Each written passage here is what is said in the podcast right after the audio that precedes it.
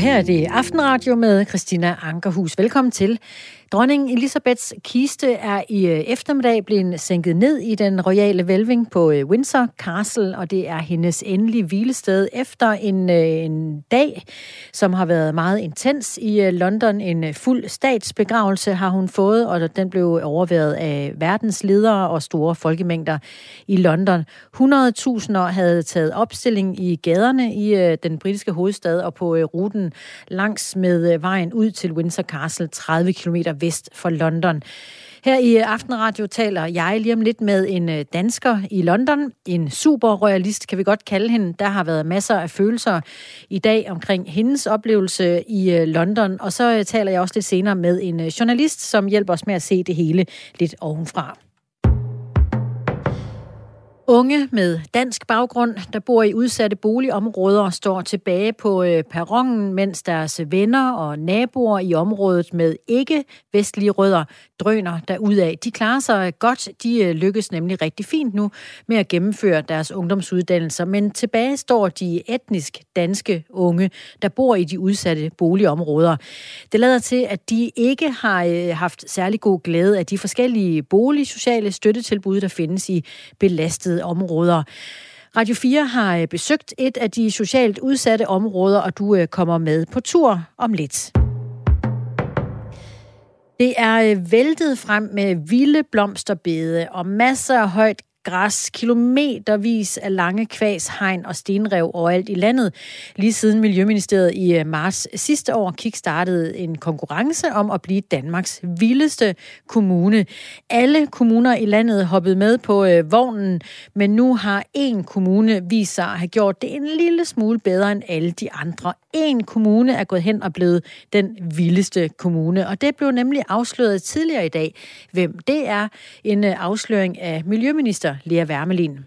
Så vinderen er... Er I klar? Trummevirvel. Vordingborg, kom. Yes! Vild jubel, da Vordingborg Kommune blev øh, kåret og udråbt til øh, Danmarks vildeste kommune. Med den fine titel følger også en million kroner, som er øremærket til vilde formål. Præcis hvad, det vil øh, Vordingborgs borgmester afsløre for os lidt senere i aften.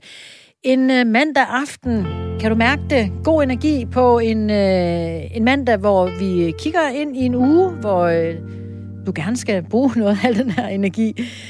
Gullimund, en sang om engle. Velkommen til.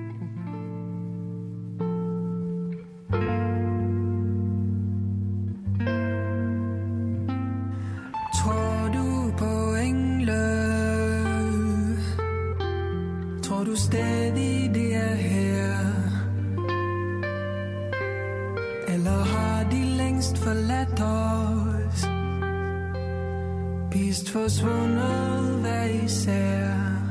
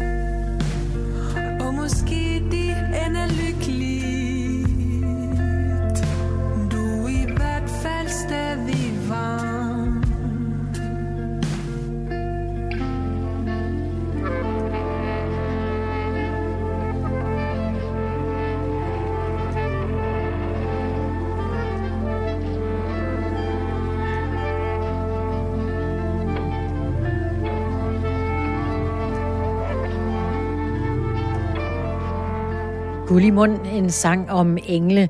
Dronning Elisabeth er i dag blevet bisat fra øh, Westminster Abbey og er nu også begravet i øh, Windsor ved siden af sin ægtemand gennem 74 år, prins Philip. Og det øh, foregik alt sammen med alt den pomp og pragt og ceremoni, som det britiske samfund er så rigt på.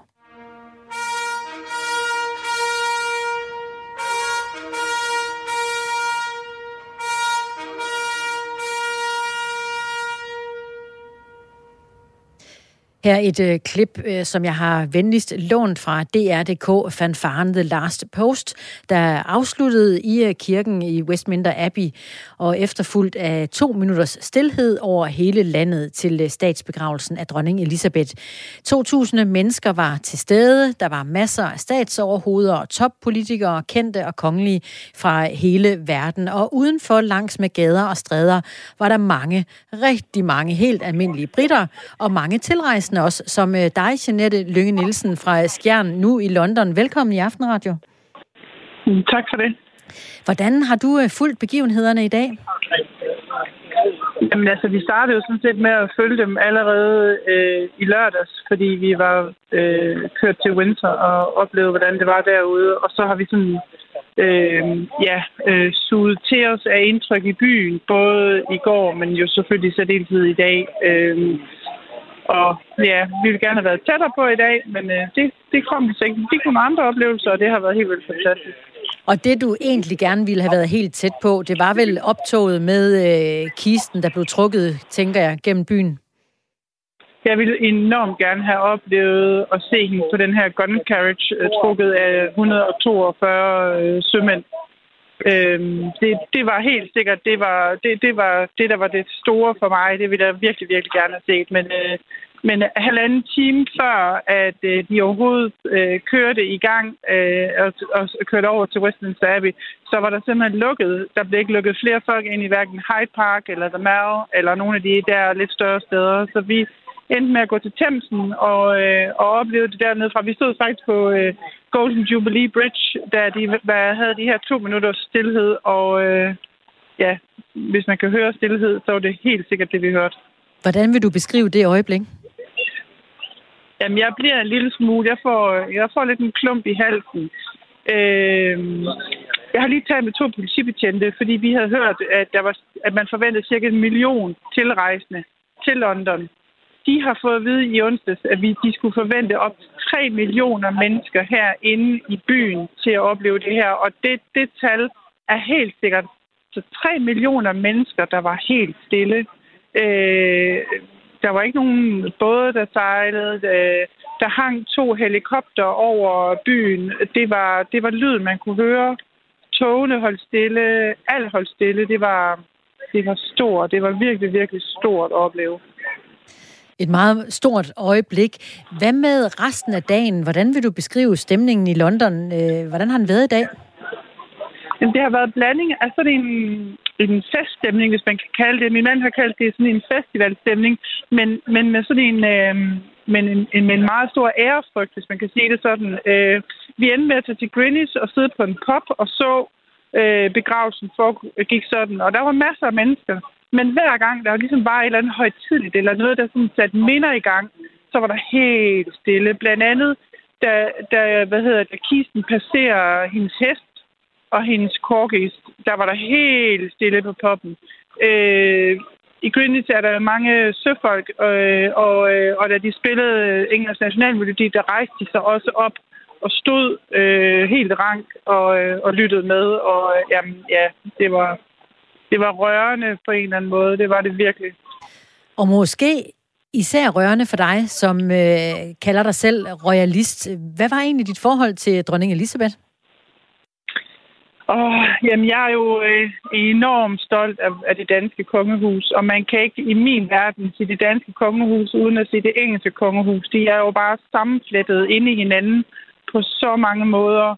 Så, øh, så når jeg ser billeder herover har der været vist rigtig mange billeder, både på de sociale medier, men også på tv, af, af vores dronning, som var meget tydeligt berørt, da hun stod inde i Westminster Abbey i går aftes og, og kiggede på kisten, fordi det var måske en kollega for hende, men det var sørme også en veninde, der var død. Og, øh, så så, så øh, ja, jeg synes, Elisabeth var, har repræsenteret alt det gode ved England. Øh, og det der op og stiffe lip, der hun bare var så god til, øh, det håber jeg fortsætter.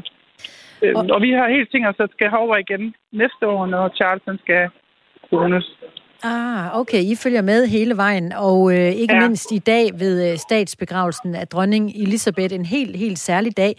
Hvordan er byen lige nu? Vi står faktisk på The Mall lige nu, og har gået ned igennem byen og på vej til Buckingham Palace. Der er øh, en stemning af, at alting stadigvæk er lukket. Øh, der er stadigvæk hegn op, der går masser af vagter, der går masser af politi. Folk de går stille og roligt, tager billeder og Jamen, de hygger sig, og, øh, og der, er stadigvæk, ja, der er stadigvæk nogle mennesker i byen. Selvfølgelig slet ikke så mange, som der har været tidligere. Men, men det er med smil på læben, og det, det foregår stille og roligt og i god, øh, god ro og orden. Og det er Jeanette Lønge Nielsen, som er med på en telefon fra England. Og tak, fordi du uh, tog dig tid til det midt i din uh, ferie i, uh, i London. Så selv tak. Og øh, der var øh, som nævnt øh, andre, der var samlet omkring begivenhederne i dag. Der var øh, flere millioner inde i øh, selve centrum af London. Masser af britter og øh, tilrejsende, som var samlet for at tage afsked med dronning Elisabeth i dag. Nogen vil mene, at øh, britterne samtidig har taget øh, afsked med en hel æra. Ikke bare en øh, dronning gennem 70 år, men en øh, tid, som ikke er mere. Den analyse kigger vi på her lige om lidt sammen med øh, journalist og kender af Storbritannien Morten Rønnelund. Efter øh, Adele, Someone Like You.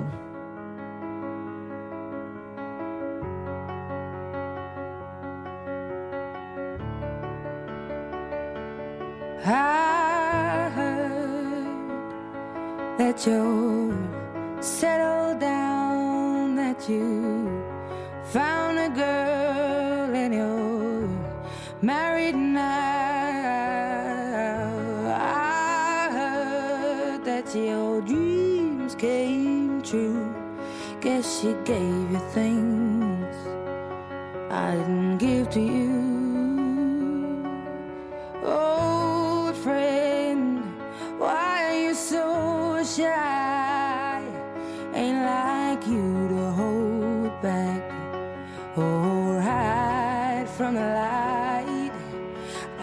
Turn up out of the blue uninvited, but I couldn't stay away. I couldn't fight it. I had hoped you'd see my face and that you'd be reminded that for me it isn't over. Never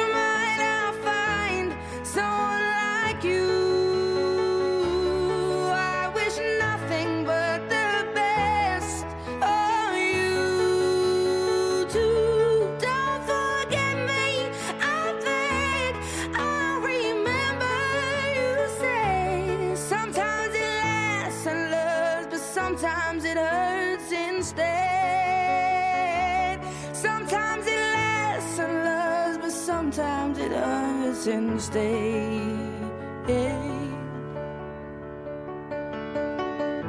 You know how the time flies only. Yesterday was the time of our lives. We were born and raised in a summer haze, bound by the surprise of our glory days. I hate to turn up out of the blue uninvited, but I couldn't stay away. I couldn't fight it. I had hoped you'd see my face and that you'd be reminded that for me it isn't over. Never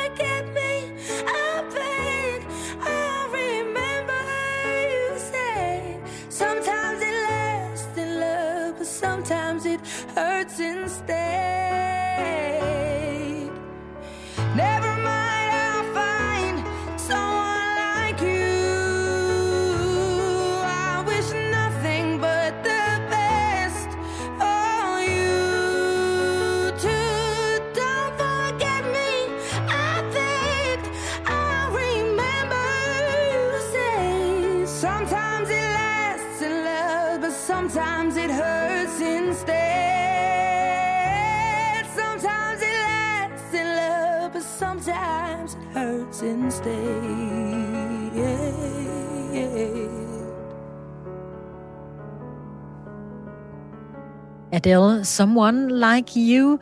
Det var øh, smukt, og det var storladent. Det var med øh, masser af pomp og pragt, da man i øh, England i dag sagde farvel til øh, dronning Elisabeth. Farvel til en øh, dronning, som har siddet på tronen i øh, 70 år, men måske også i virkeligheden øh, farvel til meget mere end det, en hel æra. Journalist Morten Rønnelund, som øh, dækker britiske forhold for Radio 4. Velkommen til. Tak skal du have, Christina. Lad os da lige øh, dvæle lidt ved selve dagen i dag. Storladent, siger jeg, smukt, masser af pomp og, og pragt. Hvordan vil du beskrive dagen?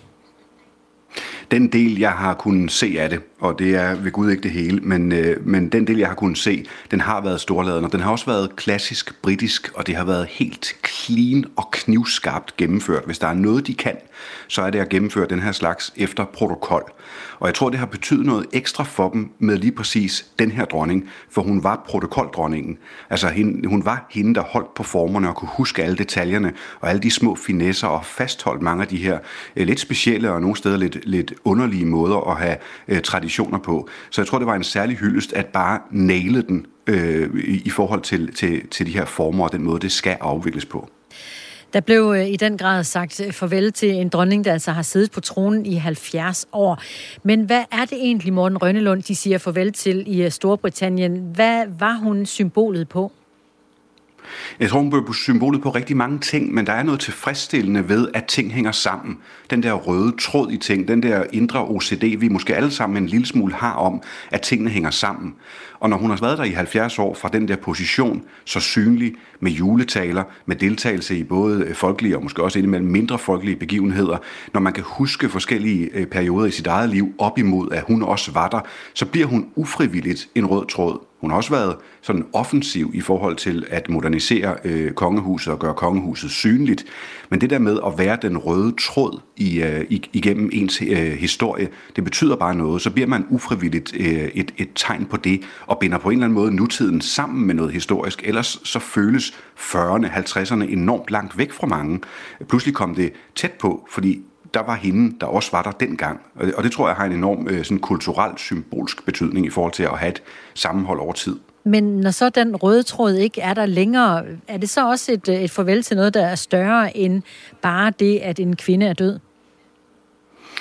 Det er det, der bliver spørgsmålet. Øh, kan kong Charles egentlig føre den tråd videre? Han kommer ikke til at sidde der i 70 år, det ved enhver. Men han har lovet at føre ånden og hengivenheden til jobbet videre, sådan som hans mor lovede det. Øh, og nu venter alle på, kan han løfte den? Og jeg tror selv, han prøver meget hårdt at løfte den. Og jeg tror egentlig, det var i hvert fald stemningen, jeg var selv i, i, i London i sidste weekend, øh, stemningen var, at man har virkelig lyst til, at han lykkes med at komme videre, og måske også ud af sin egen skygge fra fortiden. Så, så der er et, et ønske om at føre tråden videre, fordi britterne har opdaget værdien af den der tråd, og de har egentlig ikke lyst til at give slip på den. Øh, de er nødt til at give slip på hende, og det bliver aldrig rigtigt det samme, men derfor må den der historiske tråd godt øh, fortsætte. Det tror jeg, alle har en interesse i på en eller anden måde lykkes. Og de gider ham godt, fornemmer du? Det, altså mit forløbige indtryk er faktisk, at, øh, at de synes, han er trådt ind i rollen. Øh, og det er egentlig også min egen observation, at der, der, der kommer et eller andet til, når man træder ned i de der sko, hvor man bare, okay, nu, nu skal jeg bare have den. Øh, og der synes jeg virkelig, at han har steppet op, øh, som man siger. Øh, og det, det er også indtrykket hos, hos britterne. Jamen, han var slet ikke så klodset og nørdet og faldt over sin egen ben, som vi egentlig har gået og bildt os ind, øh, og som medier og komikere og hvad ved jeg, har bildt os ind igennem tiden. Han har faktisk øh, optrådt med meget stor sikkerhed indtil videre. Og hvilken opgave står så øh, først for, øh, som øh, kong Charles han skal kaste sig over? Han øh, står altså nu pludselig som konge for et øh, Storbritannien, der på en eller anden måde øh, kan udefra set i hvert fald ligne, at det er, er splittet på mange måder. Er det hans job at samle dem igen? Ikke for så vidt som, at Storbritannien er splittet politisk, og det er Storbritannien. Øh, husk på, hvad for en situation landet var i, da dronningen døde, og alt blev sat på pause. Kæmpemæssige politiske splittelser, som vi får lov til at vende tilbage til i morgen, i overmorgen måske allerede, fordi det haster med nogle af de politiske spørgsmål. Det er ikke hans job, og han har også selv signaleret, at den aktivisme, han måske har lagt for dagen på klima, på miljø, på natur, den kan ikke være lige så synlig fremover. Han er nødt til at være lidt mere objektiv i, øh, i, i sin rolle som konge, end han var øh, som, som prins. Så, så det er ikke på det niveau kortsigtet hans øh, øh opgave at samle. Når det er sagt, hvis han kan føre videre, at britterne er fundet sammen om kongehuset og har rebootet deres følelse af kongehuset øh, ved at tænke tilbage, øh, ved at kigge på den her historik, de har haft sammen med Elizabeth, jamen så kan det da godt være, at hans øh, taler til jul, for eksempel, eller øh, deltagelse i nogle folkelige ting, kan minde om, at der er en kultur til fælles og en sjæl til fælles, og det kan få dem til at samles. Men det er ikke hans opgave at blande sig på det politiske niveau, og det er måske i virkeligheden der, splittelsen er allerstørst lige nu. Og når vi så øh, taler om splittelse, så øh, tænker jeg måske også en lille smule på, øh, på kongehuset selv. Hvordan har de det lige nu, og hvordan skal det gå dem, Monstro? Altså, der er jo øh, naturligvis øh, opstået øh, fornyet kritik af monarkiet som institution. Også herhjemme øh, og medier, som nu, hvor vi øh, dækker det, bliver også beskyldt for at være øh, jubelagtigt lykkelige ved det og svælge i det. Så den debat skal nok komme igen. Øh, når det er sagt, så er der stadig et stort flertal øh, demokratisk, der har besluttet, jamen det kan godt være, at det er en mærkelig konstruktion, men den vil vi gerne have. Vi vil gerne have den lidt endnu, og hvis han kan puste liv i den, eller fastholde livet i institutionen, så vil vi faktisk også gerne have den lidt endnu. Hans første opgave bliver måske i virkeligheden at signalere, hvad han er, at han er anderledes, men også at han er en fortsættelse. Øh, det bliver en virkelig knivskarp balancegang imellem ikke at vælte for meget på hovedet, fordi folk har godt kunnet lide den måde, hun var kongehus på, men han skal alligevel få sit eget til, og så skal han måske især vise, at han har styr på sin familie, for der er også nogle indre linjer der, som britterne holder lidt øje med. Ja. Har du styr på dit hus? Det hvordan, havde hun nemlig. Hvordan gør han det nu?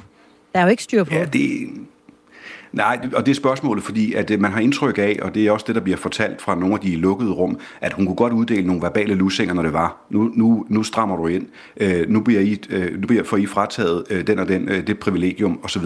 Øh, og og det, det, det, det henstår i det uvisse, hvordan han håndterer familien. Forløbig ser det faktisk ud til, at der er styr på det. Øh, der har ikke været øh, episoder eller, eller sådan øh, akavede momenter sådan for alvor, som man kunne tro.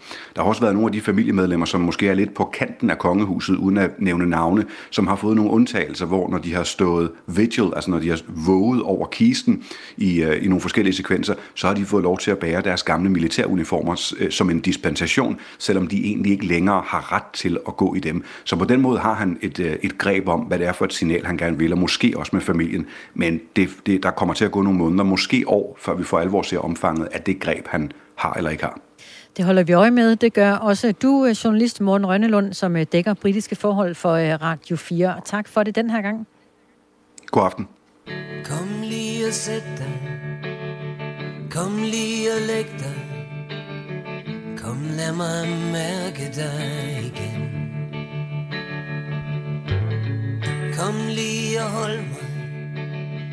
Hold lige lidt om mig. Kan vi sige, vi starter herfra nu, min ven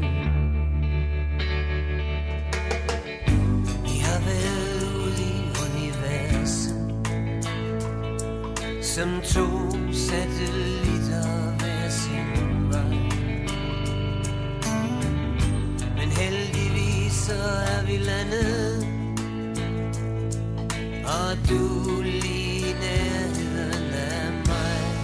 Så nogen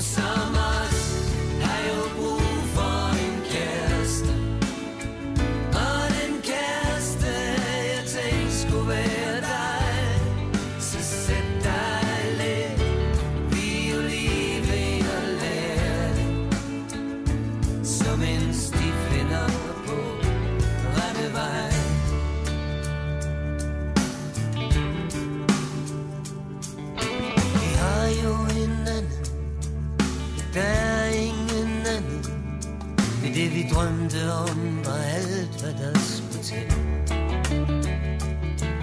Der er ingen der diskuterer. Der er ingen der udleverer. Hinanden allerhøjst lidt sig selv. Vi er erfaringerne riger, og gælden er saneret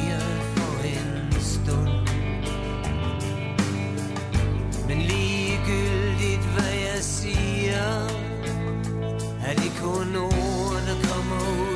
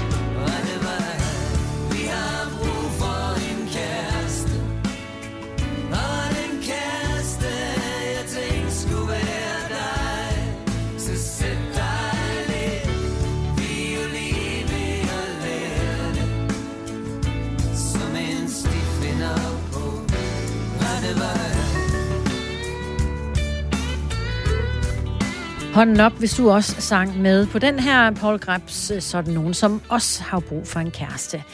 Unge med øh, dansk baggrund, der bor i øh, udsatte boligområder, står tilbage på øh, perronen, mens deres venner og naboer futter afsted der ud af. Udviklingen er nemlig vendt for dem, der ikke har vestlig baggrund. Så de klarer sig nu markant bedre og i langt højere grad får gennemført en ungdomsuddannelse. Alt imens altså, at deres øh, pære danske venner ikke kommer i gang med en uddannelse. Det er øh, konsekvensen af, at de øh, etnisk danske unge, der bor i udsatte boligområder, gennem mange år har stået i skyggen af den øh, støtteindsats, der er blevet øh, prioriteret politisk for, at unge med den ikke-vestlige baggrund kan bryde den sociale arv, få en uddannelse og komme i godt godt i gang med, øh, med livet, og det er altså lykkedes godt for dem. Det fortæller Gunvor Christensen, som er projektchef ved det Nationale Forsknings- og Analysecenter for Velfærd, også kaldet VIVE, som øh, gennem mange år har forsket i de boligsociale indsatser i udsatte boligområder i Danmark. Det handler formentlig om, at nogle af de etniske danske unge, som er i nogle meget, meget udsatte positioner, at de kan være svære at få øje på.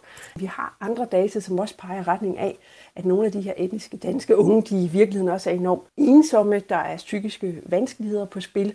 Der kan være misbrug. Så, så der er en stor kompleksitet af udfordringer for de her unge her, som måske kræver nogle særlige indsatser for at overhovedet finde frem til dem, for at opspore dem, for at opsøge dem, og derfra få dem over i nogle aktiviteter, som kan gøre, at de klarer sig bedre i en skole- og uddannelsesmæssig sammenhæng.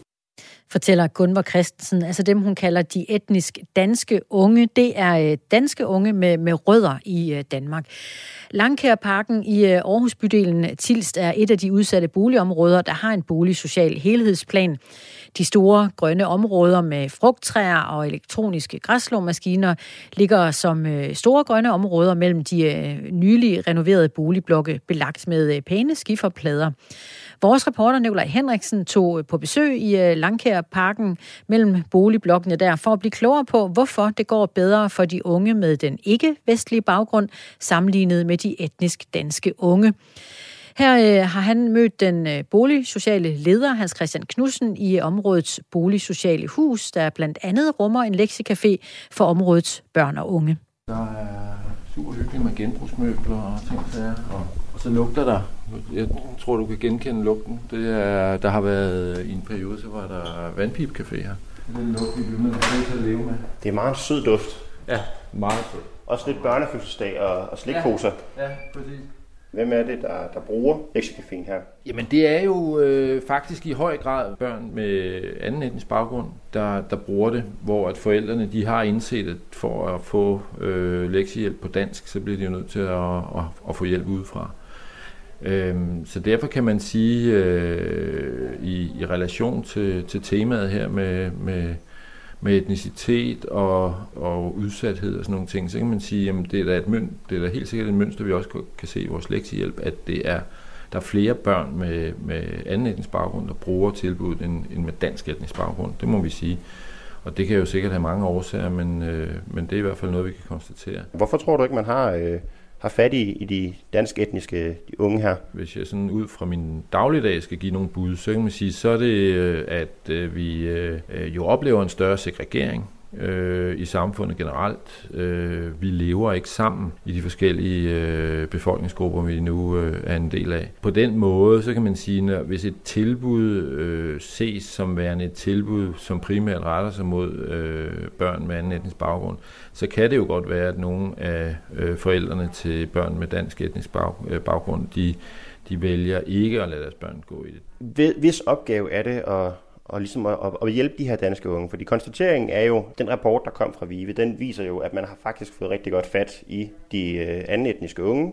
Men øh, konstateringen er jo også, at, at de danske unge, der bor i de her øh, socialt udsatte områder, de bliver ikke løftet på samme måde. Så hvad tænker du, hvis, hvis opgave er det at, at, ligesom at få løftet dem? Øh, ja, for at svare kort, så er det jo folkeskolen, øh, der, der har ansvaret, men vi andre har jo et øh, medansvar, eller det, altså skulle jo gerne støtte den, øh, den udvikling, der skal foregå i folkeskolen.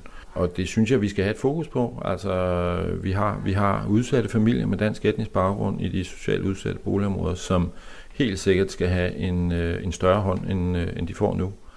Øh, der sker jo igen en, øh, også en opsplitning, sådan så de bedst fungerende dansk etniske familier flytter fra sådan et område som det her. Øh, og det betyder jo så, at øh, dem, der bliver tilbage, det er måske de mest øh, socialt udsatte, også psykisk udsatte familier, der, der, der bliver i, øh, i de udsatte boligområder. Jeg er nu så på vej over til, øh, til Tils skole, som ligger lige på den anden side af, kan man kalde det hovedvejen her i Langkærparken? Ja, Tils skolevej hedder den simpelthen, og det kan man godt sige er en slags hovedvej igennem. Den, den, den skærer området over på midten. Men øh, nu går vi ned til øh, gymnasiet først. Ja. Og det, er, det var det gymnasie, der tidligere hed Langkær Gymnasium, og nu hedder det Aarhus Gymnasium Tilst. Øh, Jeg hedder Nishit, og jeg går på STX på Aarhus Gymnasium Tilst, øh, hvor jeg har studieretningen samfundsfag A matematik A. Og du har boet over i Langkærparken. Hvornår var det, du flyttede derfra? I februar 2022. Jeg har boet der i 8 år. I bydelshuset, kan jeg huske, der var jeg meget nede ved. Der var lidt mindre og sådan noget. Og så var jeg også til sådan noget matematik en gang om ugen. Øh, sådan noget, hvor man kunne få til matematik. Og hvad er det for nogle unge, der kommer til de her arrangementer, som du også selv har været med til? Altså, jeg kan huske, da jeg var derude, så var det primært folk fra min... Altså, jeg gik på tilskole, så der var folk fra min årgang, og sådan, også de andre årgange, der kom og fik lidt hjælp til deres lektier og sådan noget. Primært dem ud fra Langkaparken, der kom. Og dem, I så derude, så du nogle øh, unge danske etniske? Øh, det gjorde jeg faktisk ikke, nej. For at være helt ærlig, det gjorde jeg ikke. Hvorfor tror du ikke det? Jeg ved ikke, om det er fordi, der, er, der ikke bor så mange derude, men altså... Ja, det ved jeg faktisk ikke. Jeg så i hvert fald ikke nogen derude.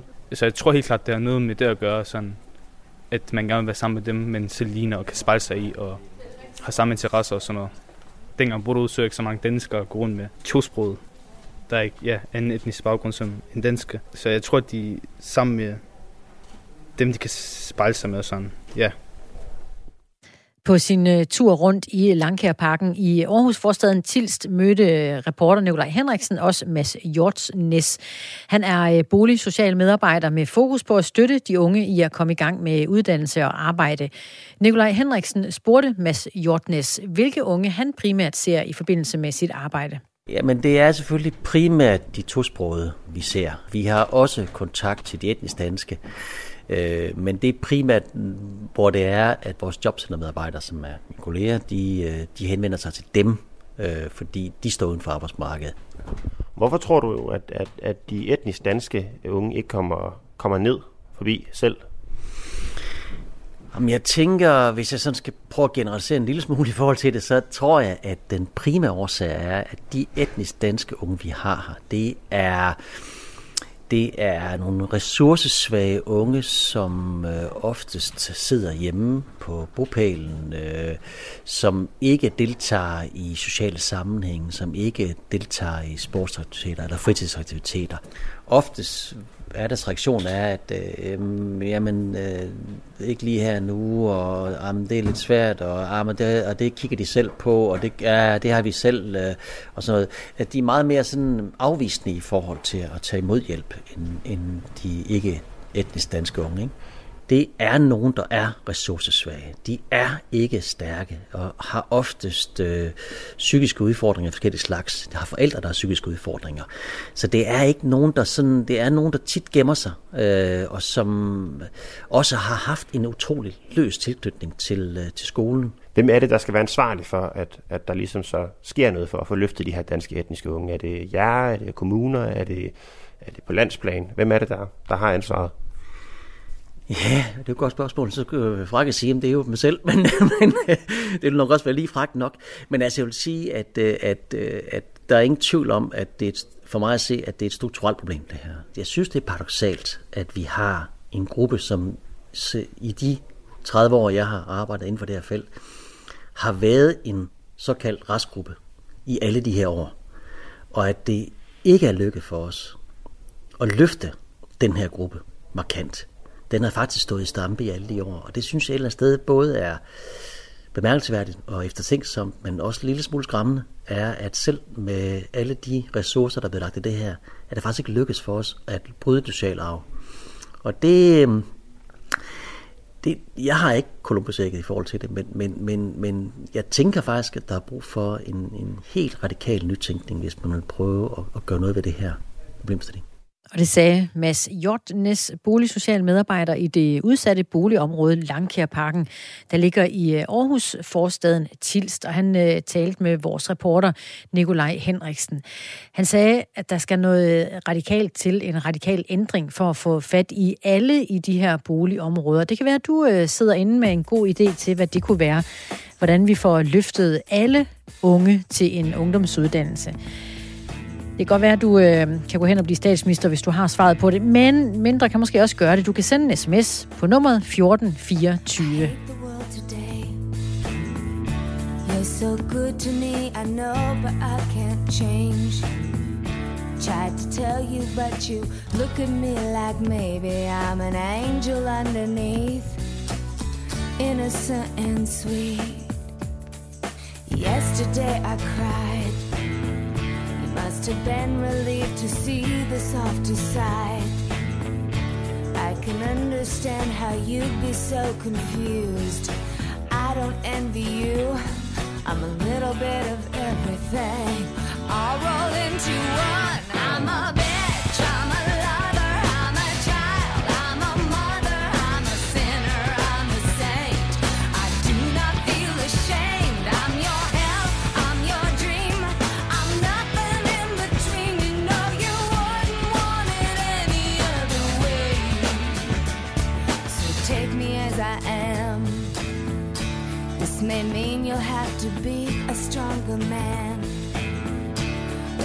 Assured that when I start to make you nervous and I'm going to extremes, tomorrow I will change and today won't mean a thing. I'm a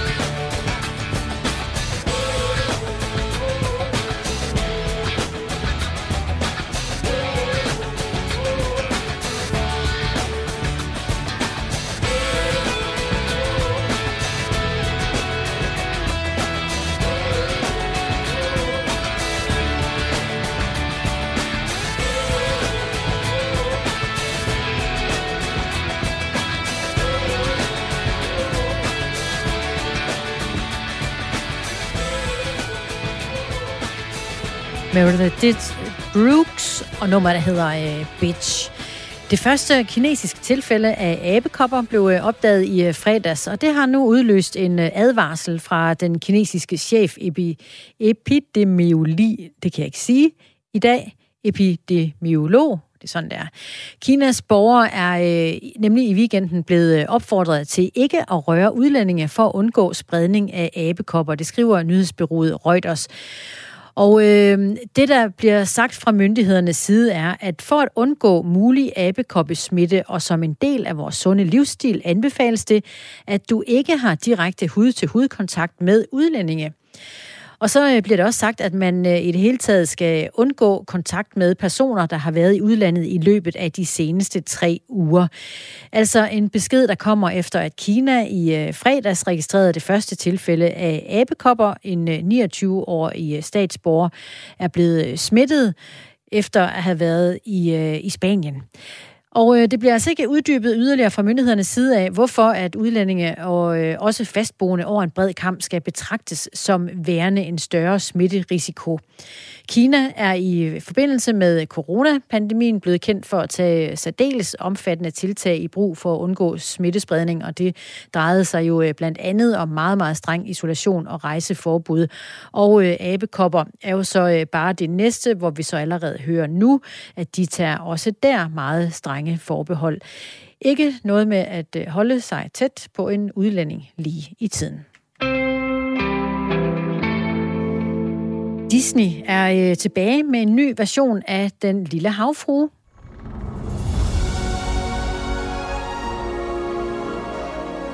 Det er en øh, filmatisering denne gang med, øh, med skuespillere, altså, hvor en øh, trailer blev offentliggjort tidligere på måneden. Men hvor vi øh, før har set øh, Ariel med øh, brændende, lysende rødt hår og snehvid hud, så er Ariel nu mørk. Mørk hud, mørkt hår og brune øjne, spillet af den amerikanske skuespiller og sangerinde Halle Bailey. Det har vagt opsigt og debat også på de sociale medier, og det gør det faktisk stadig. Reporter Morten Nørbo gik på gaden for at spørge folk, hvordan de sådan umiddelbart forholder sig til, at Ariel nu bliver spillet af en farvet kvinde.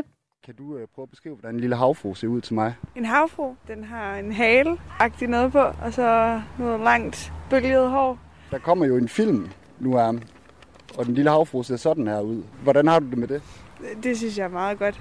Jeg har set nogle reaktioner online på nogen, der har genkendt sig selv i hende, og det, det er ret fint at se. Kan du beskrive en lille havfru for mig? Ja, dame med fiskeben, I guess. Jeg kan høre, at du næsten er ude efter noget hudfarve. Kan jeg næsten regne mig til. Øhm, og nu, jeg har det rigtig meget sådan. Havfruer er fiktive. De eksisterer ikke. Det er pisse ligegyldigt, hvilken hudfarve de har, må jeg sige. Kan I prøve at beskrive den lille havfru for mig? en øh, hale, en, en kvinde, der sidder i en siddende stilling. Der kommer jo en ny film nu, og nu ser hun sådan her ud. ja, det har jeg godt set noget om. Hvordan har I det med det? Jeg synes, at det er fedt, at man sådan har en med en anden hudfarve, en hvid, som man måske har set, været vant til at se. Så jeg synes, det er fedt. Kan du beskrive, hvordan den lille havfru ser ud til mig? Jamen, den er jo relativ. Altså, bronzestatuetten i København, den har ikke nogen farve. Og jeg synes, det er lidt øh, absurd med det der racistiske ting, med at nu er den brun og ikke øh, hvid med rødt hår. Så whatever floats your boat, man. Som vi hørte i øh, indslaget her, en øh, kvinde hentyde til en, øh, en video, eller nogle videoer, hun har set på de sociale medier, så er der nemlig blevet delt en del reaktioner, hvor forældre til farvede børn uploader videoer af deres børns reaktioner på den nye trailer. She's a black girl. She's black! She's black! She's black! Mama, she's black! What? Ja, for eksempel som det her. Den øh, første farvede Disney-prinsesse, vi så, det var i øh, filmen Prinsessen og Frøen fra 2009.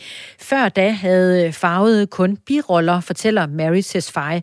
Hun er projektleder i Contact, der er et socialøkonomisk kulturinstitution, hvor hun blandt andet arbejder med mangfoldighed og repræsentation i teaterbranchen. Hun har selv en etnisk minoritetsbaggrund. Vi har faktisk igennem hele Disneys historie i de 70 år, eller hvor lang tid det nu har eksisteret, set sorte og brune karakterer. Vi har bare ikke lagt mærke til dem, fordi de har været undersåtter. Hvis vi øh, går langt nok tilbage, så kan vi, øh, når vi sidder og ser juleaften eller julemorgen dag, øh, ser øh, Disney juleeventyr, der kommer der stadigvæk øh, øh, hvad hedder det, afsnit, hvor at øh, sorte mennesker er tegnet på en enorm racistisk og karakteris- hvad hedder det, kategoriserende måde. Så vi har altid været vant til at se sorte karakterer op igennem Disneys historie. Øhm, vi har bare ikke lagt mærke til dem, fordi det passede godt med det billede, som vi generelt set Hvem, har. hvem tænker du på her, for eksempel, hvis vi bare lige skal... Jamen, jeg, jamen for eksempel, øh, der er rigtig mange i, øh, i Mickey Mouse, øh, nogle afsnit, hvor at øh, så er han på besøg hos de vilde, og de øh, danser rundt, og de er øh, usiviliserede, og mm. de øh, propper ham i en gryde, og har øh, knogler i hår og læber, for eksempel. Mm. Eller øh, der er også øh, Fantasia, øh, det, det ved jeg ikke, om den hus- det kan jeg ikke huske, om den hedder på dansk også, mm. øhm, hvor at øh, der er også en lille, en lille sort øh, karakter med, uden tøj, som skal rende rundt og være tjener for de flotte, smukke, hvide øh, karakterer i filmen. Så, så vi har været vant til at se det. Vi har bare ikke set dem som heltene og som, som, øh, som dem, der er hovedrollerne. Mm. Øhm, og det i sig selv kan man også sige, Disney på en eller anden måde ved at have en sort havfru den her gang, også er med til at prøve at, hvad hedder sådan noget, undo øh, den, altså det billede og det blik, som de har været med til at skabe igennem så mange år. Så lød det i øh, Kulturmagasinet Kreds tidligere i dag, hvor der var besøg af Mary Tesfaye, projektleder i øh, Contact. Du kan genhøre, eller høre hele programmet, når det bliver genudsendt her, når klokken bliver 21.05. Ellers så kan du jo øh, som altid lytte til det lige nøjagtigt, når det passer dig bedst på appen Radio 4-appen eller på hjemmesiden radio4.dk.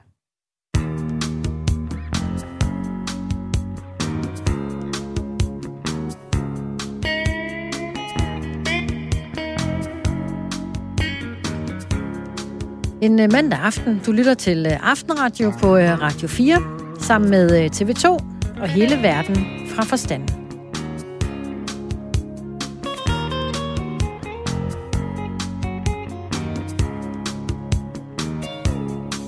Og denne himmel, disse øjne, denne svimlende længsel efter noget. Dette glimt af gensynsglæde, med det øjeblik, stanse i tiden, vi jeg leve livet forfra en gang til. Jeg ville starte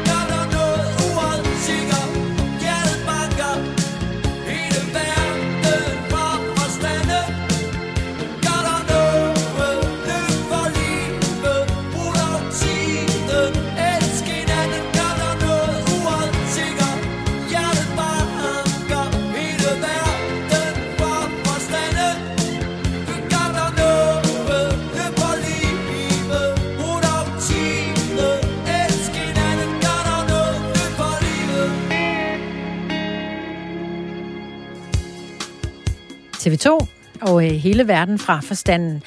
Hvad har øh, regnjakker og maling og øh, tandtråd og stegepander med hinanden at gøre? De øh, har det til fælles, at de øh, kan og må indeholde fluorstoffet PFAS, som har en vandafvisende effekt. Men øh, PFAS er samtidig også et stof, man har forbudt at bruge i fødevareemballage af, pap og papir, og det er på grund af, at det er et sundhedsskadeligt stof. Men fluorstofferne findes altså stadig i en lang række produkter, som makeup og cremer og maling og tandtråd og regntøj og meget, meget mere. Der bør være et totalt forbud mod mod PFAS, lyder det i dag fra en række eksperter og øh, forskere.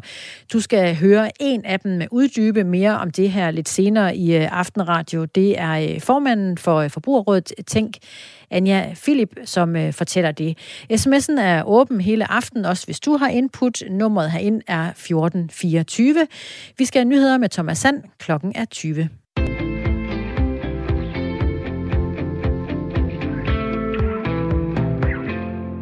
Hvordan lyder det egentlig, når en klokkefrø jubler? Hvis jeg havde øh, vidst det, så ville jeg prøve at, øh, at sige som en øh, klokkefrø i, øh, i jubel. Jeg ved det bare desværre ikke, men øh, der må være en hel del glade klokkefrøer i øh, Vordingborg Kommune i dag. De har øh, nemlig øh, sejret både øh, frøerne og øh, kommunen. Der er øh, blevet uddelt en øh, fin titel til Vordingborg Kommune som værende Danmarks vildeste kommune. Så vinderen er... Er I klar? Trummevirvel. Vordingborg, kom Ja. Alle kommuner i Danmark var med i kampen om at blive Danmarks vildeste kommune, og øh, der er øh, opstået en masse vildskab rundt omkring i løbet af de sidste halvandet års tid.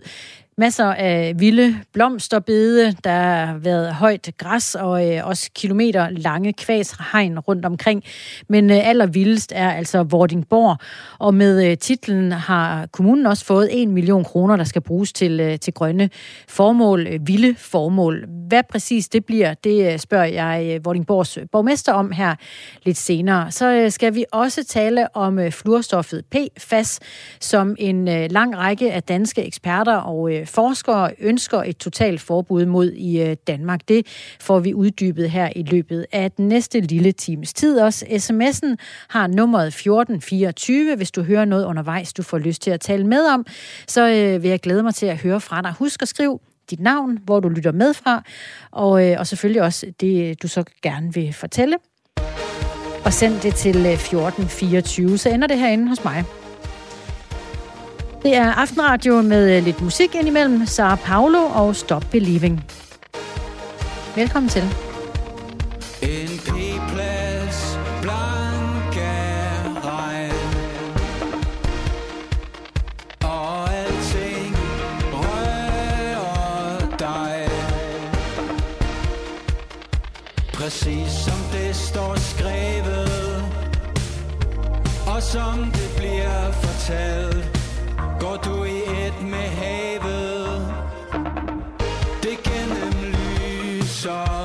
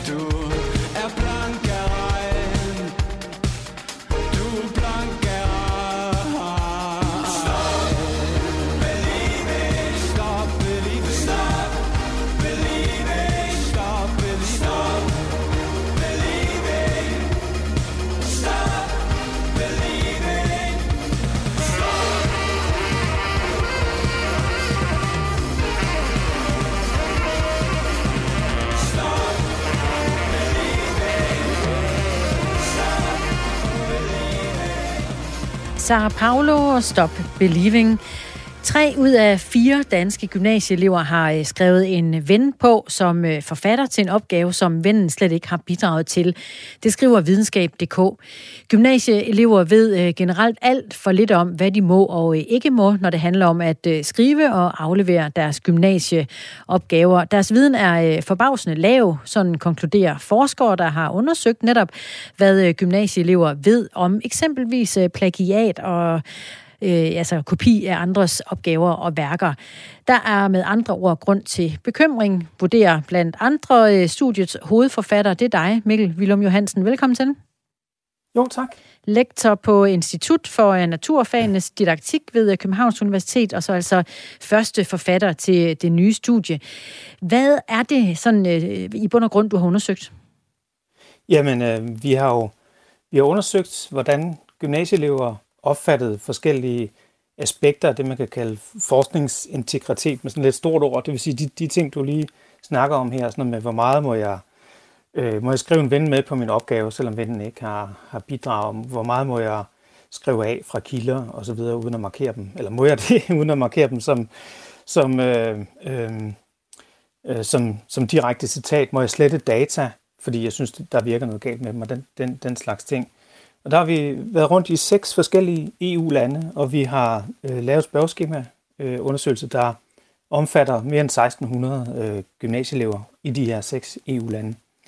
Og man kan sige, der, der har længe, der, der er en del undersøgelser, der ligesom viser, at de, de gymnasieeleverne, de ret ofte bryder reglerne. Øh, men det vi har så, det, det har vi også, det kan vi bekræfte øh, i vores undersøgelse her, men vi har så også spurgt dem om, øh, hvorvidt de forstår reglerne. Og mm. det vi kan se er, at øh, faktisk, når man, når man spørger dem direkte, om de har synes, de har styr på reglerne, så, så siger de faktisk, det, det tror de egentlig, de har. Men så har vi stillet dem nogle, vi har givet dem nogle små opgaver, hvor vi ligesom kan, kan vurdere, øh, om de så faktisk forstår de her regler. Og der kan vi se, at øh, dem har de slet ikke styr på. Så man kan så... sige, det er uforvarende, at de øh, en gang imellem overskrider nogle af reglerne. Vil det sige, at der i din optik er, er forskel på det, man kan kalde at bryde reglerne, og, og så decideret snyd? Ja, det er øh, en af hovedpointerne i, i, øh, i studiet her. Øhm, fordi hvis, hvis du siger, at nogen snyder, det er jo sådan en, en moralsk dom, man fælder over dem der ligger i det, at det er noget, de har gjort øh, intentionelt, at det er noget, de har gjort med vilje. Men det vi kan se, det er, at øh, øh, altså når gymnasieeleverne har så dårlig styr på reglerne, så er det formentlig ikke alle øh, dem, der bryder reglerne, som faktisk snyder.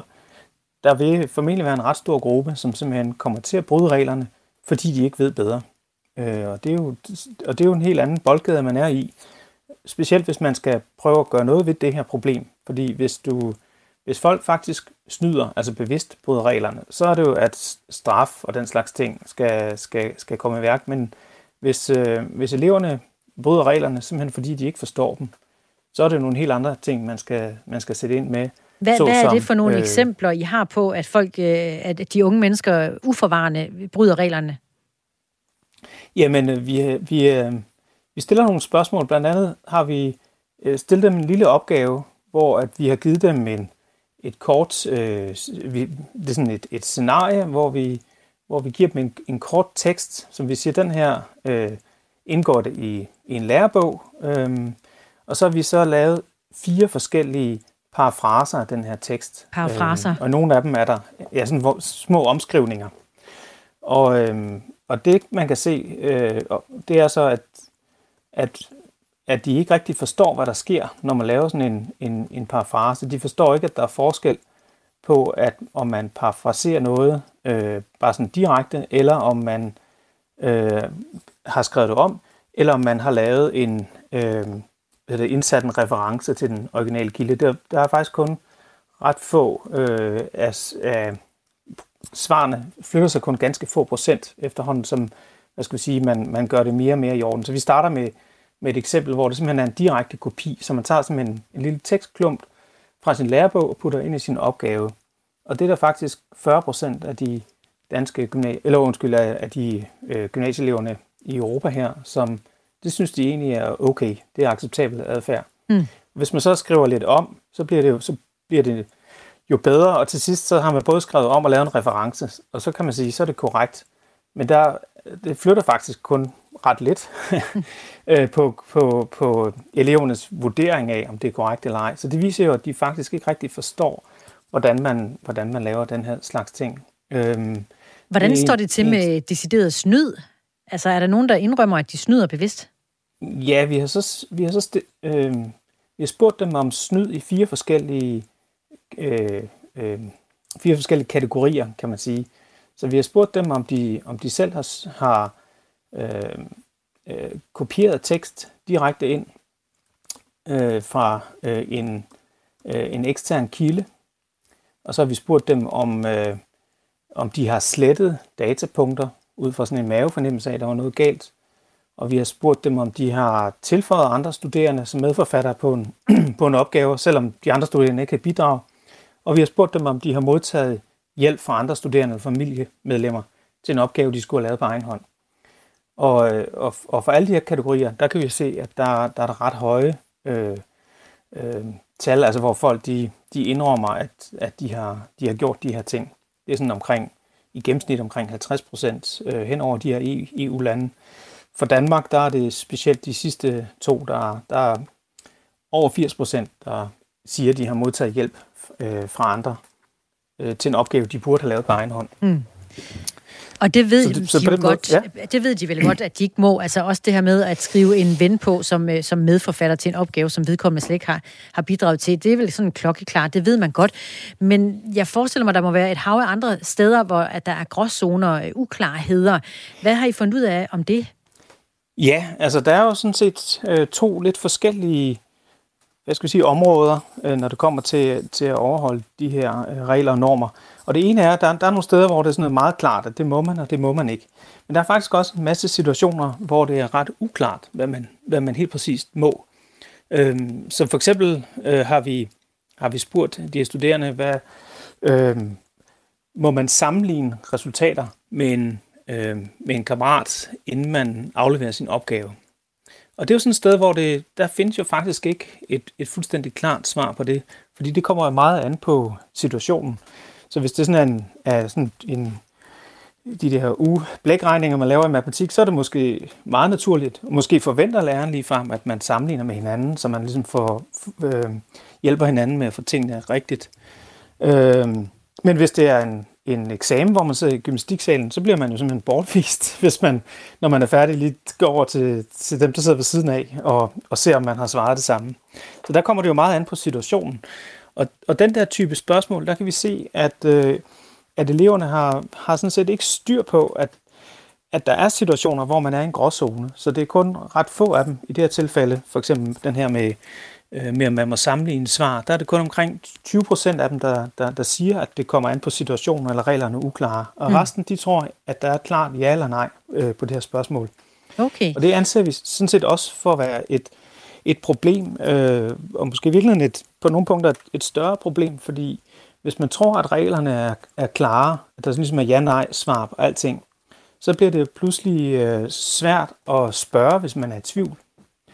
Øhm, og fa- faktisk, når vi har været rundt på, på gymnasierne og snakket, der har vi også nogle gange mødt den her holdning hos, hos øh, lærerne, at øh, når vi giver dem et kursus, og så, øh, så har de lært det, og så behøver vi ikke at snakke mere om det, fordi så ved de jo, hvad de skal. Og det er jo, det er jo faktisk en lidt, det er lidt ærgerligt, fordi at der er mange situationer, man møder, som, er, mm. som netop befinder sig i sådan en gråzone. Så derfor er det jo noget, man løbende bliver nødt til at diskutere og snakke øh, med sin, øh, øh, med sin lærer om, hvad det er, man må, og hvad det er, Er man det så øh, fremadrettet løsningen, at vi skal have mere undervisning til de unge mennesker, så de ved, hvad der er øh, op og ned?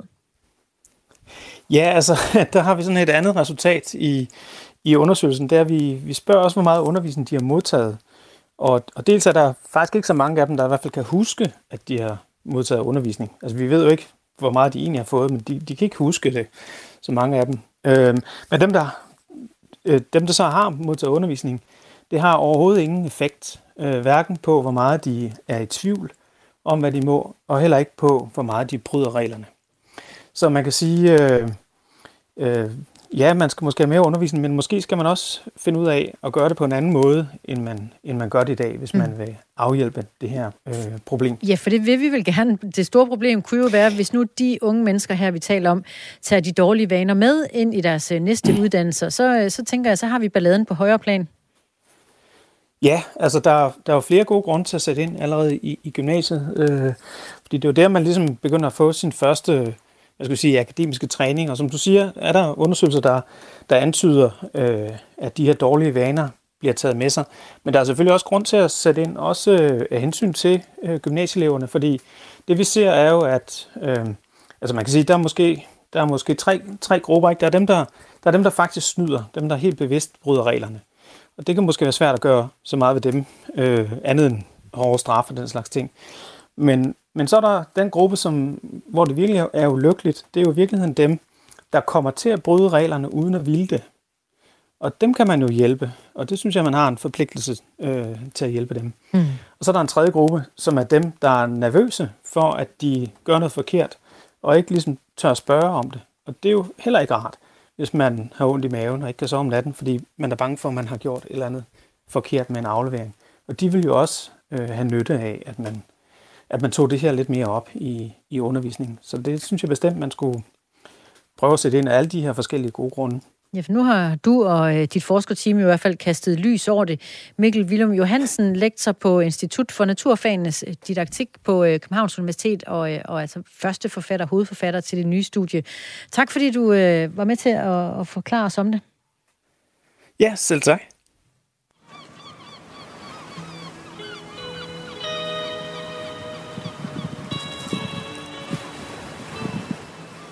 Et band, der øh, kalder sig øh, Hong Kong, og nummeret hedder Olav.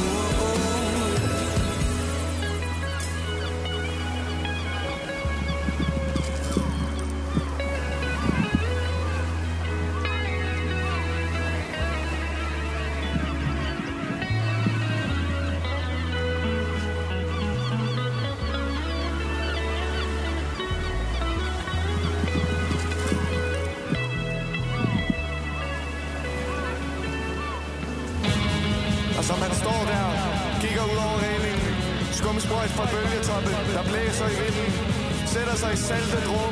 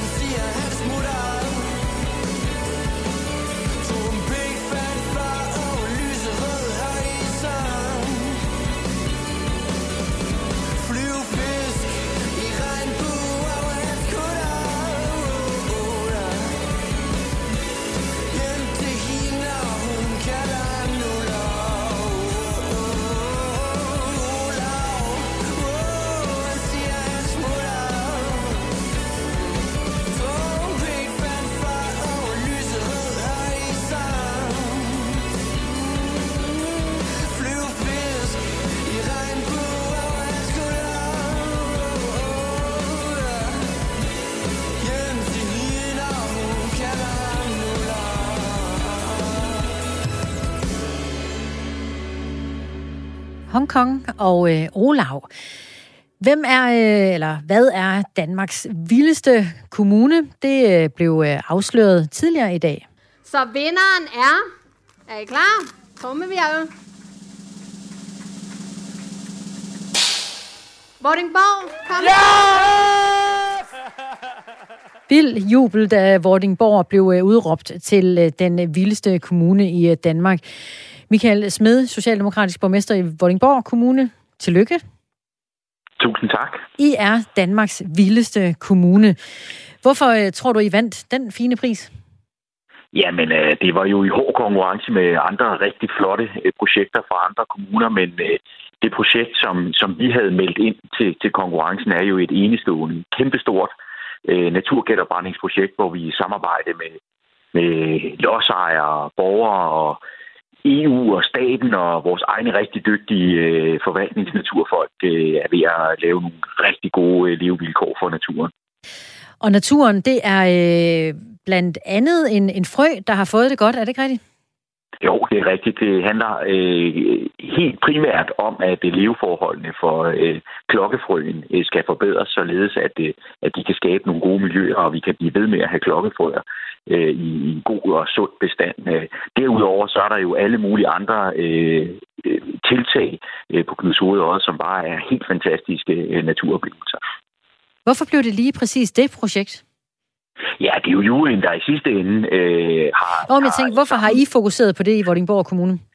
Ja, men vi har jo en lang række øh, projekter, men der var nogle kriterier til at melde ind, og der var blandt andet noget med størrelse, og det her er det største projekt, vi har øh, i gang for nuværende. Og øh, fordi det jo har så mange facetter, så synes vi jo selv, at det var et, øh, et godt bud på at kunne blive det, den vildeste øh, kommune. Og øh, det må man jo så sige, at øh, det har både afstemningen og, og juryen taget til sig.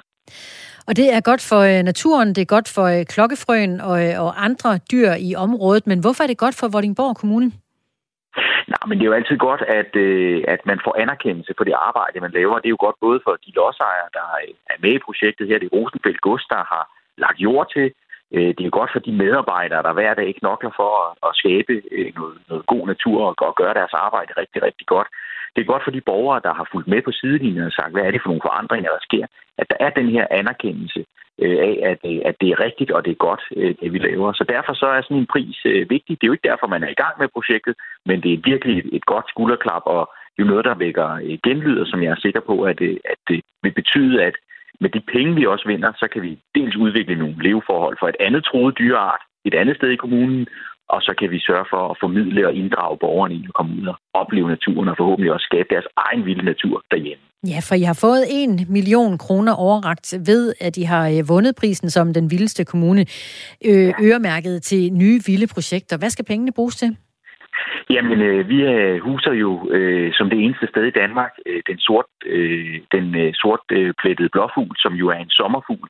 Den bor på, på Østmøen, og, øh, og øh, der er levevilkårene under pres. Vi har haft øh, frivillige og, øh, for, og øh, medarbejdere, der har sammen med Naturstyrelsen har arbejdet på at skabe nogle rammer, men nu får vi en pose penge her, som vi kan øh, virkelig kaste ind i kampen, så vi sikrer øh, overlevelsen og forhåbentlig skaber nogle, nogle endnu flere øh, levevilkår for gode levevilkår for den sortplettede blåfugl, øh, som er en, en rigtig flot øh, sommerfugl. Vil du i virkeligheden ønske, du kunne bruge de penge på lige, hvad der passede dig? Nej, jeg synes, det er fint, at øh, Naturfonden går ind i det her og også binder dem til noget med natur. Øh, og øh, vi har i Vordingborg Kommune i, i en del år nu haft et fokus på, at vi skulle udvikle naturen, sikre kvaliteten i det natur, vi har, og også samtidig skabe mere og mere natur. Så jeg synes egentlig bare, at øh, det er helt fair, at øh, de penge de går til at øh, sikre noget bedre natur. Har øh, hele projektet som sådan øh, plantet sig som ja, et frø, undskyld, jeg leger med ordene, i øh, Vordingborg Kommune? Er det, altså, er det blevet en, øh, noget, der lever med jer nu? Ja, altså det, jeg vil jo øh, våge på den påstand, at det var det også inden, men jeg vil sige det her med, at man nationalt og, og regeringen har sat fokus på det her, så det er blevet en bølge, der er landsdækkende, og flere borgere er blevet opmærksom på, øh, jamen vi kan gøre noget selv. Det, øh, det tror jeg er rigtig, rigtig vigtigt, og øh, der er i hvert fald mange borgere her i Borg Kommune, der arbejder meget med, med det her med med vilje og skabe nogle bedre rammer for naturen i deres egne små haver. Vil det blive med at være et, øh, et emne, der optager jer også efter konkurrencen er slut? Det vil det. Det vil i hvert fald i allerhøjeste grad øh, vil vi fortsætte det, og øh, det håber jeg rigtig mange af de andre kommuner selvfølgelig også vil. Og det er øh, borgmesteren i øh, Danmarks vildeste kommune, øh, som er med, altså Vordingborg Kommune, Michael Smed. Og tak, fordi du lige var med os her til aften. Tillykke endnu en gang med prisen. Tusind tak, og tak fordi jeg måtte være med. Selvfølgelig. Det manglede bare, når man er den vildeste. Marvin Gaye, Tammy Terrell. Ain't no mountain high enough.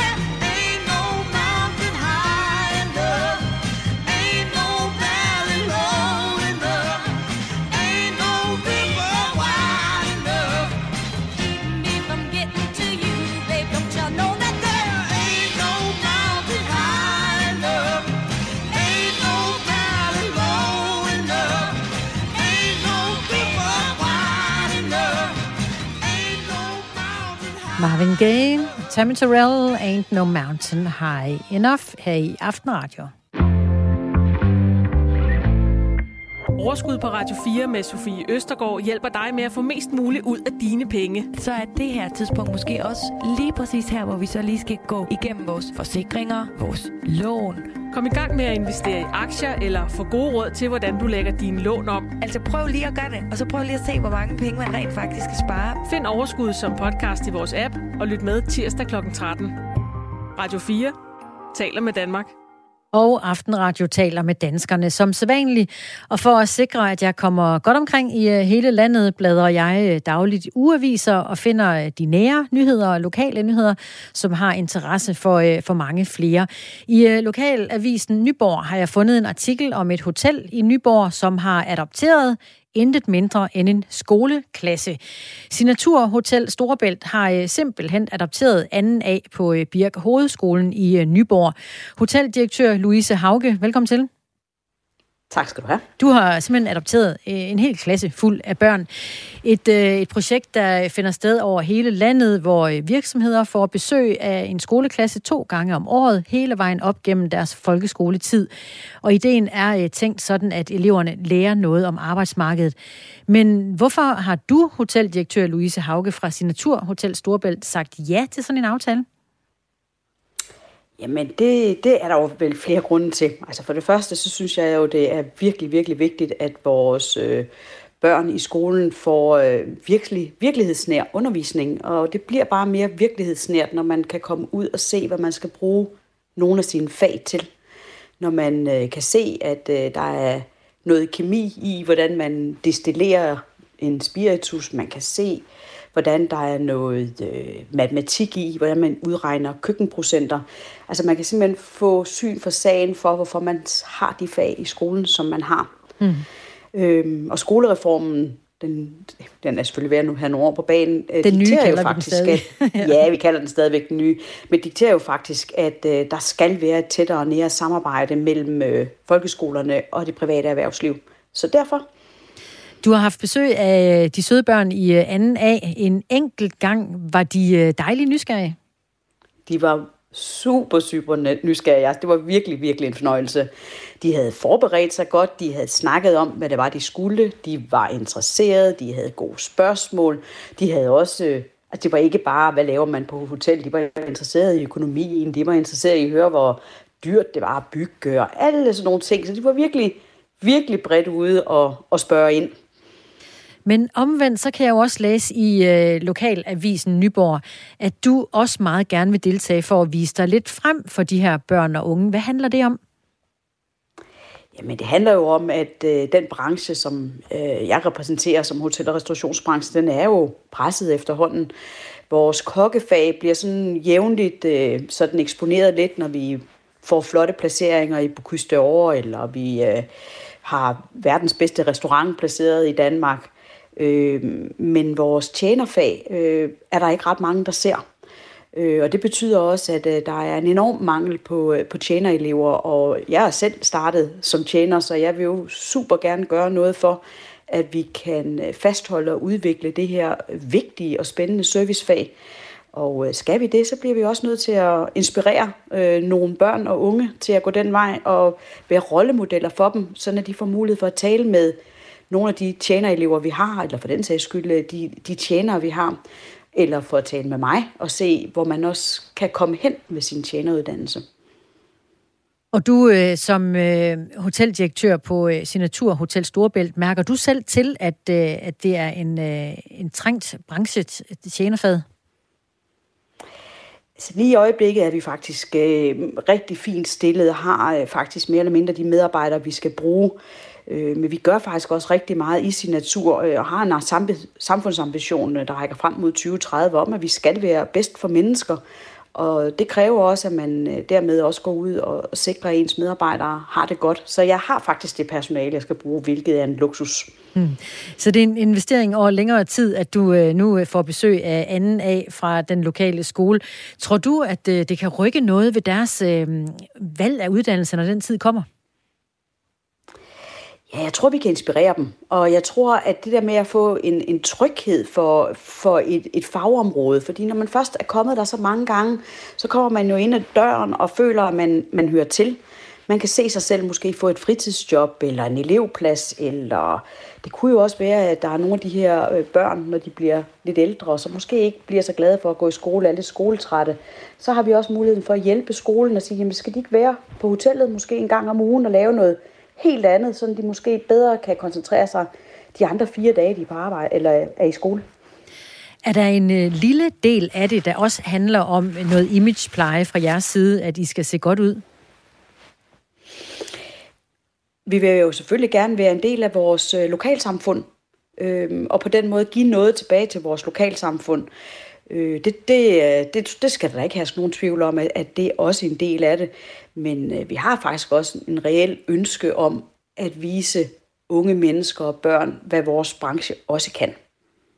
Hvad siger lærerne egentlig til samarbejdet, som I har fået op at stå? Altså, det er min øh, klare oplevelse, at lærerne synes, det er et virkelig, virkelig godt tilbud til børnene, at de kan komme ud og se noget andet. Jeg tror også i dagligdagen, at lærerne tit kæmper med det her med at gøre det, i hvert fald for nogle af eleverne, at gøre det virkelighedsnært og gøre det forståeligt, hvad det er, man skal bruge de her fag til. Øhm, og, og jeg, jeg synes på den måde, at, at det er jo et tæt samarbejde med, øh, med lærerne i klassen, som vi har, og det er også i samarbejde med dem, at vi planlægger, hvad de skal lave fra gang til gang. Og en af de ting, jeg jo blandt andet glæder mig til, særligt efter jeg lige har hørt dit interview nu her med Michael Smed, det er jo til at vise dem vores nye biodiversitetspark, som jo netop har fokus på, på sommerfuglene. Så det kan jo være, at vi kan få nogle af Vordingborgs sommerfugle til, øh, til Fyn også. det hænger bare rigtig, rigtig fint sammen. Og, øh, og egentlig passer det også meget smukt med, at øh, I, I hotelkæden Signatur netop har et samarbejde med skolerne, fordi I er jo ejet af Danmarks Lærerforening. Hoteldirektør Louise Hauge, tak fordi du fortalte om øh, dine nye adoptivbørn, en hel øh, klasse fuld endda anden af. Selv tak, og vi glæder os til at følge dem næste mange år. Dejligt.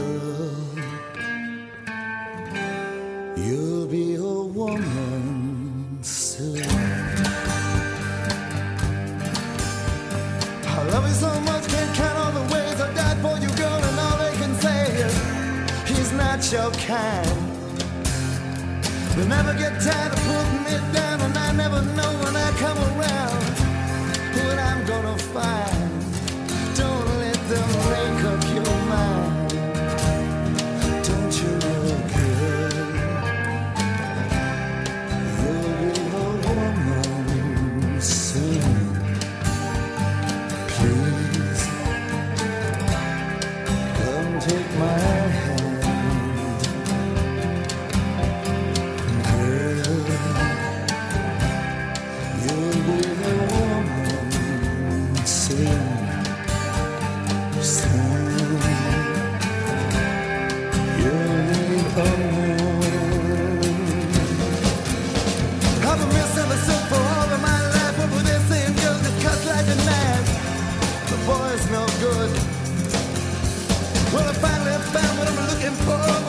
Give a chance, I'll end it for sure. Surely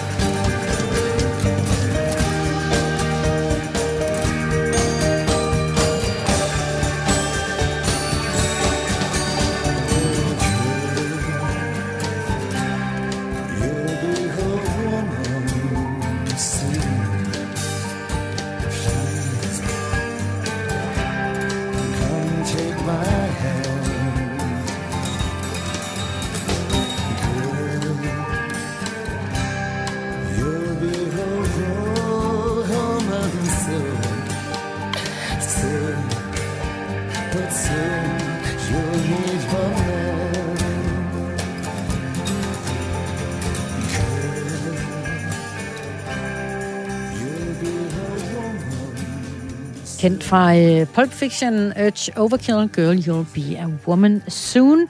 Der kom lige et par sms'er, der handler om uh, vild natur og uh, om sommerfugle blandt andet.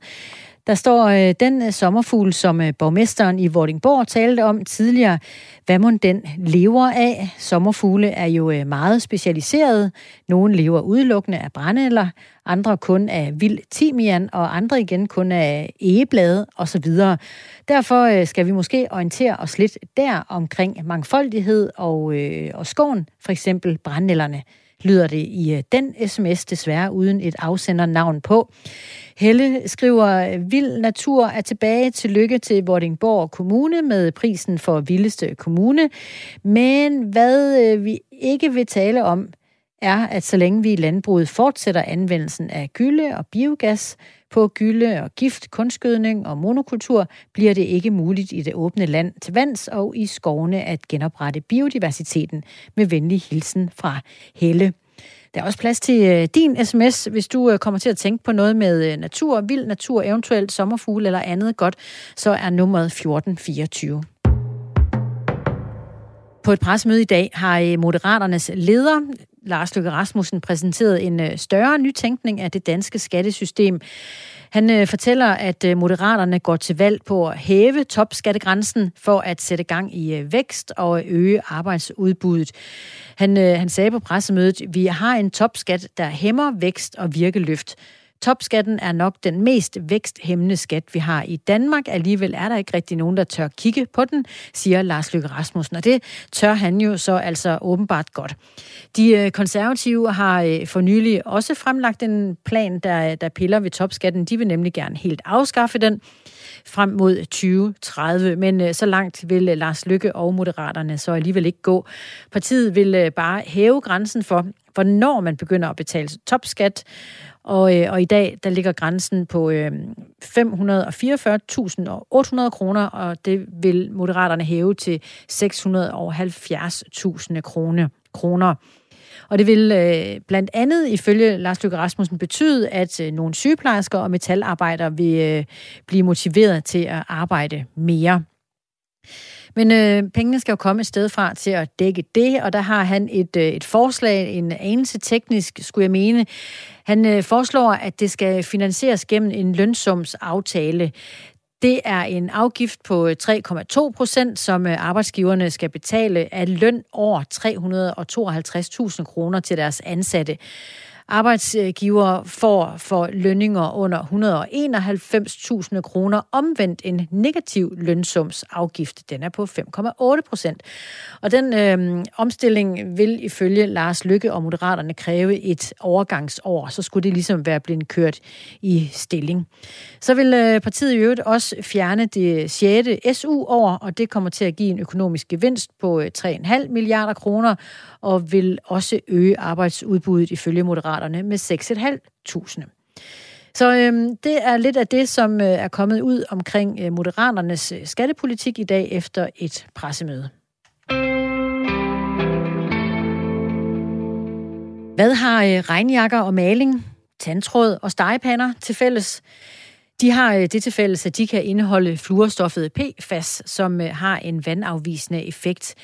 I Danmark er øh, PFAS-stoffer forbudt i øh, fødevareemballage af pap og papir, og det er fordi, at det har en øh, sundhedsskadelig virkning. Men fluorstofferne findes altså stadig i en lang række produkter, som nævnt regnjakker og maling, tandtråd. Det kan også være i andre tekstiler og, og cremer i øvrigt også. Men der bør være et totalt forbud mod PFAS. Det mener en række danske eksperter og forskere fra Syddansk Universitet og fra Statens Institut for Folkesundhed fra Aarhus Universitet og fra Københavns Universitet og fra Forbrugerrådet Tænk. Et øh, totalt forbud har vi i forvejen mod det, der hedder PFOS, og sådan bør det også være med PFAS, uddyber Forbrugerrådet, øh, Forbrugerrådet Tænks formand Anja Philip. Fluorstofferne og PFAS, det dækker over måske 10.000 stoffer, og det er nogle stoffer, som er rigtig skadelige. Vi bliver decideret syge af dem. De kan give os kræft, de kan gøre, at vi aborterer, de kan gøre, at, at børn bliver født, øh, altså foster bliver født alt for tidligt. De påvirker vores immunforsvar, og vi har vidst rigtig længe, siden 60'erne, at der kan være de her alvorlige konsekvenser.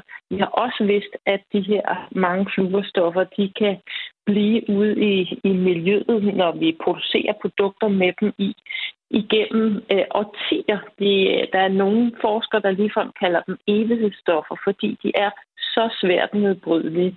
Og det så vi jo også med den sag, der var for øh, sidste år med en kogræsserforening, øh, hvor øh, dem, der har spist kødet fra, fra de her køer, de har mm, voldsomt forhøjet mængder af fluorstoffer i deres blod, og det skal de leve med resten af livet. Det var noget, der var kommet ud i miljøet fra en nærliggende brand, øh, brandskole, hvor det har været et brændslukningsudstyr.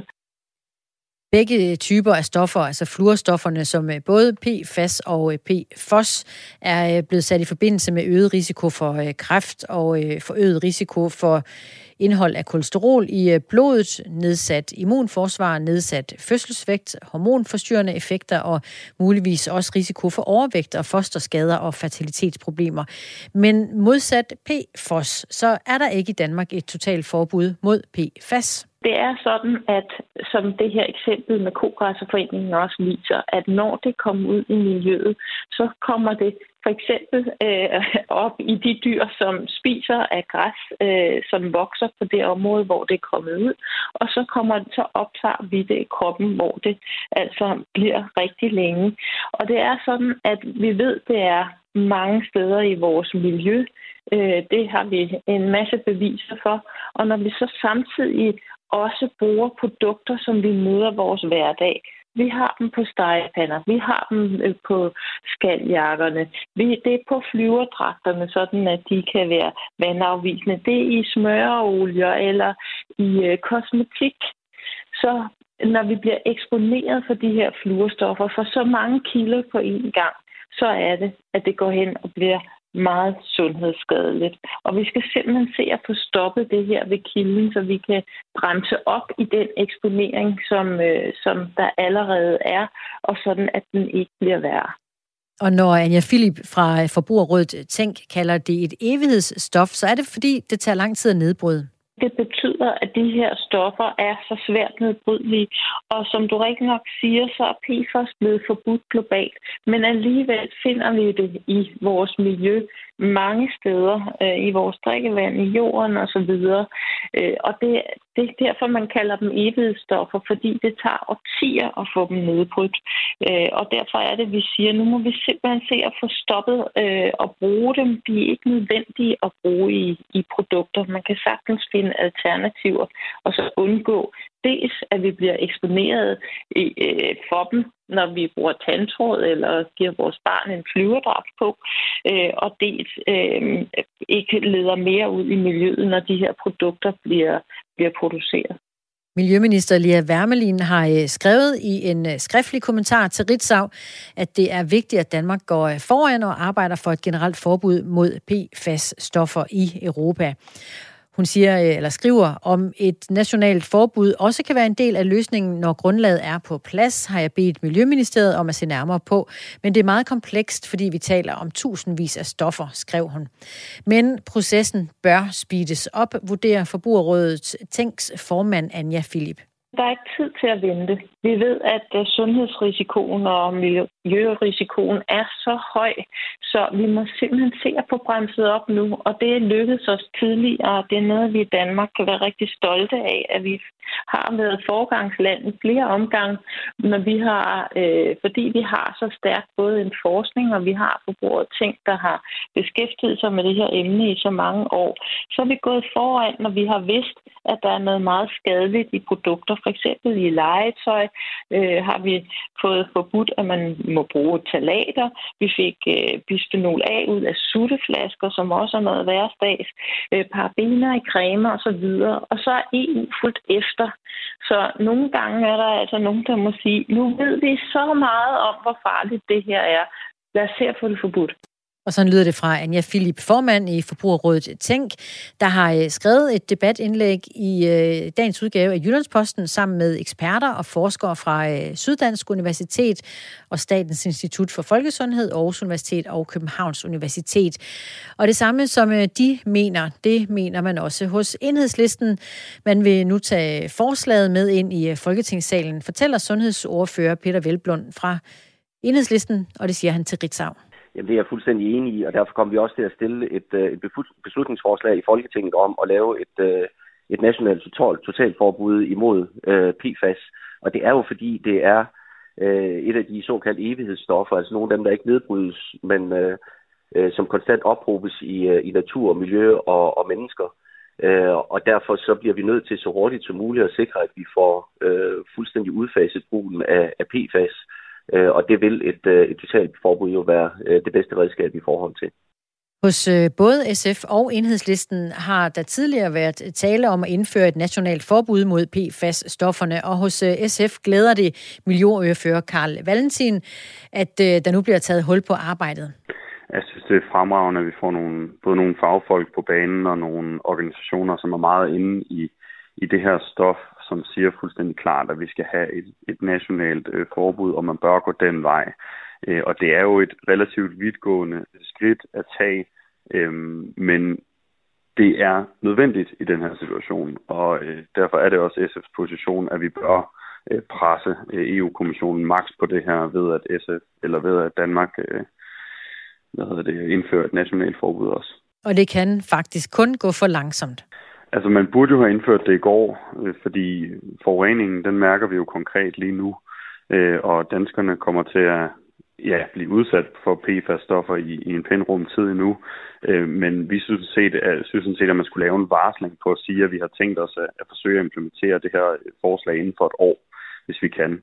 Det er, en, det er en stor opgave, og der kan være enkelte områder, hvor at, at det, det kan trække lidt mere ud, fordi det kan være mere besværligt at komme af med stofferne.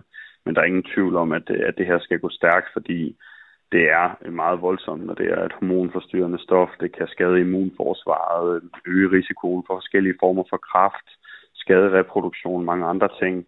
Øh, og derfor så, så bliver vi nødt til at, at gøre noget ved den her øh, stofgruppe. Sagde her SF's miljøordfører Karl Valentin. Der er kommet en sms, hvor der står, Hej, vedrørende PFAS. Mennesket må være det dummeste dyr i skoven. Helle skriver, det er helt uforståeligt, at vi øh, stadig tillader PFAS-stoffer i mange produkter, vi køber. Hvor er vores politikere? Med venlig hilsen, Helle. Tak for uh, sms'er og hilsner, som er uh, løbet ind i uh, indbakken her i løbet af aften. Mandag aften, det var Aftenradio med uh, Christina Ankerhus. Vi høres ved. Her er det uh, Anne Lindet og uh, Smuk og Dejlig.